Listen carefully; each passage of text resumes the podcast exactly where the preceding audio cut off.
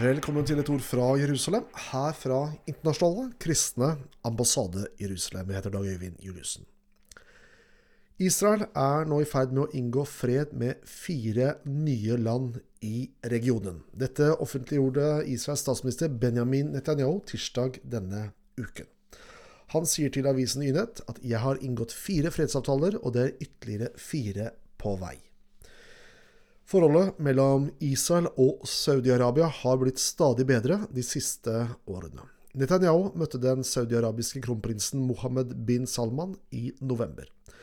Og de hadde planlagt å møtes i Abu Dhabi i forrige uke. Imidlertid måtte Netanyahus tur til De forente arabiske emirater utsettes.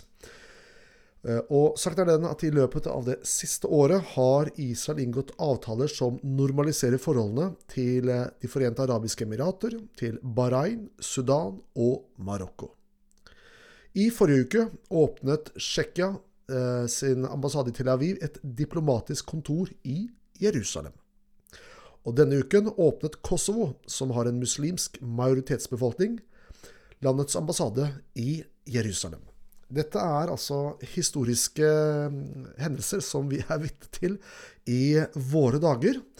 Og disse fredsavtalene som inngås med disse arabiske statene, er av en helt annerledes karakter enn det vi var vitner til når fredsavtalen med Egypt og Jordan tidligere ble inngått. Det var avtaler som i større grad var en fravær av krig, mens de avtalene som inngås nå, eh, virkelig legger til rette for samhandel og, og bygge felles interesser.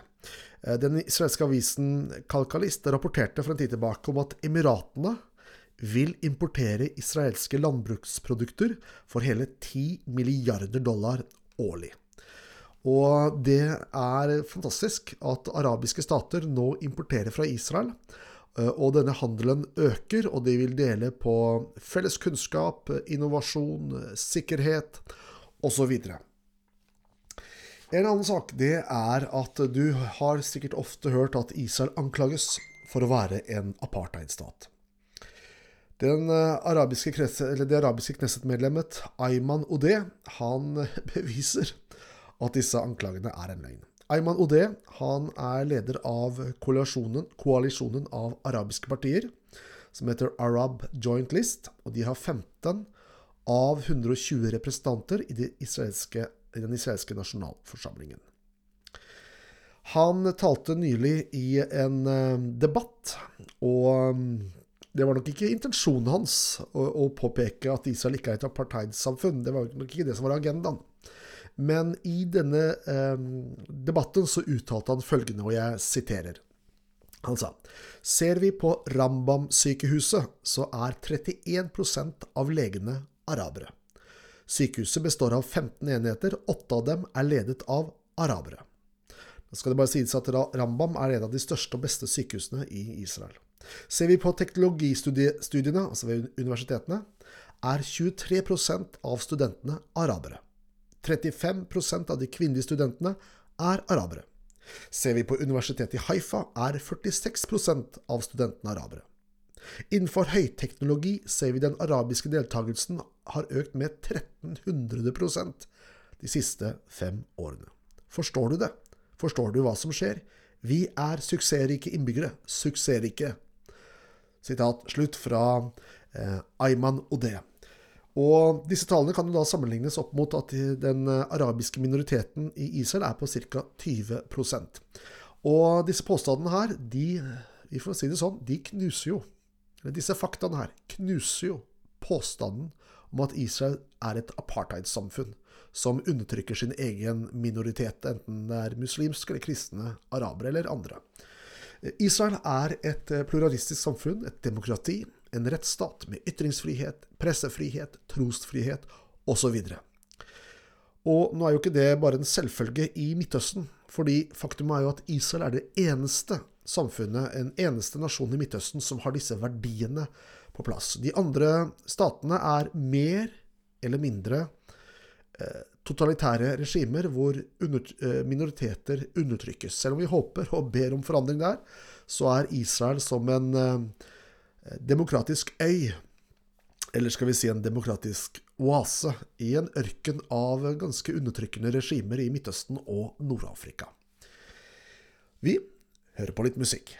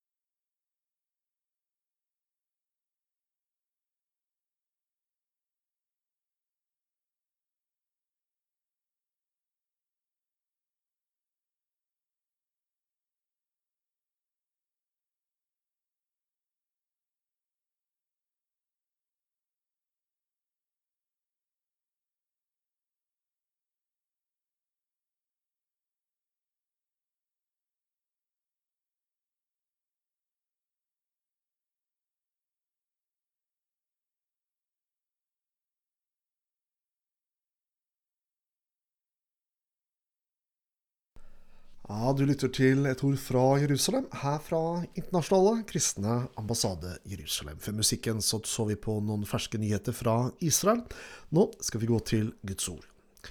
I profeten Malaki kapittel 4, som eh, faktisk er det siste kapittelet i Bibelen før Nytestamentet, før evangeliene kommer. Og de, aller, de, to aller siste versene i Malaki kapittel 4, eller Malakias kapittel 4, så står det i vers 5 og 6. Se, jeg skal sende profeten Elia før den store og fryktinngytende Herrens dag kommer. Han skal vende fedrenes hjerte til barna, og barnas hjerte til deres fedre, så jeg ikke skal komme og lyse jorden i bann. Og uten å være bombastisk i forståelsen av hva som det står om her, så tror jeg på den ene siden at det er helt riktig som vi ofte gjør i våre menigheter når vi leser dette verset her, om at fedrenes hjerte skal vendes til barna, og barnas hjerte skal vendes til fedrene. Og det bruker vi ofte i sammenheng når vi snakker om generasjonene som står sammen i Guds rike, og, det tror jeg vi tror jeg helt, er helt innafor, for å bruke et sånt uttrykk. Jeg tror absolutt at det er Guds vilje å ønske at generasjonene eh, stå sammen i, eh, i, Guds rike. At det ikke er noen kunstige skillelinjer eller unødvendige skillelinjer der.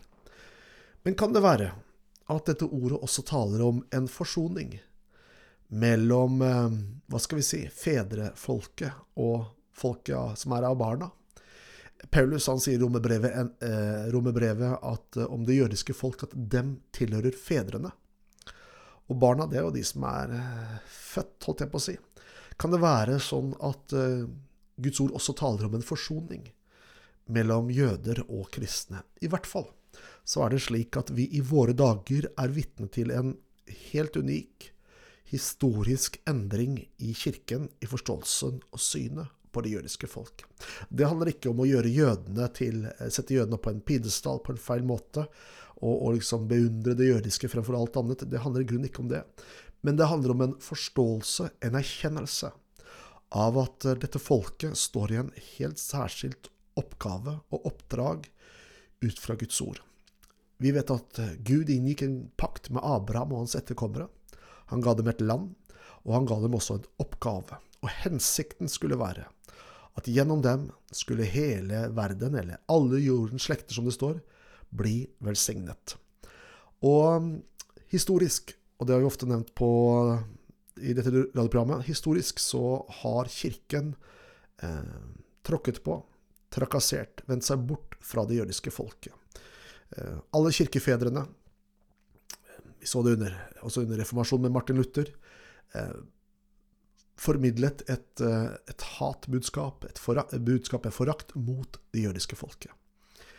Men i vår generasjon, i vår tid, så finner vi kristne i Amerika, Nord- og Syd-Amerika, i Afrika, i Europa, i Asia, i Oseania. Så finner vi kristne fra ulike sammenhenger som erkjenner at Gud er ikke ferdig med jødefolket. Hans pakt med dette folket står fortsatt ved lag. Hver dag så er det millioner av kristne som ber for jødefolket og velsigner dem. Det handler ikke om at Gud elsker jødene mer enn andre mennesker, f.eks. arabere eller muslimer. Men det handler også om den erkjennelsen at de har betalt en ufattelig høy pris for å være et redskap til velsignelse for menneskeheten. Paulus sier det at først og fremst så ble Guds ord betrodd dem. Altså, Bibelen ble ført i pennen av det jødiske folket og formidlet ut til menneskeheten. Og det er interessant. At det er noe som skjer i våre dager. Det har skjedd ganske fort. Denne endringen det er et paradigmeskifte som skjer inn i kirken i våre dager. Og vi Den kristne ambassaden vi står midt oppi den prosessen, som er en hva skal vi si, en forsoningsprosess, en forbrødringsprosess mellom kristne og jøder. Hvis du vil vite mer om arbeidet vårt, så kan du motta vår avis som heter Et ord fra Jerusalem. Den kommer ut en gang i måneden. Og den kan du få gratis hjem i postkassa di i fire måneder ved å sende en tekstmelding med Jerusalem til 2030. En gang til.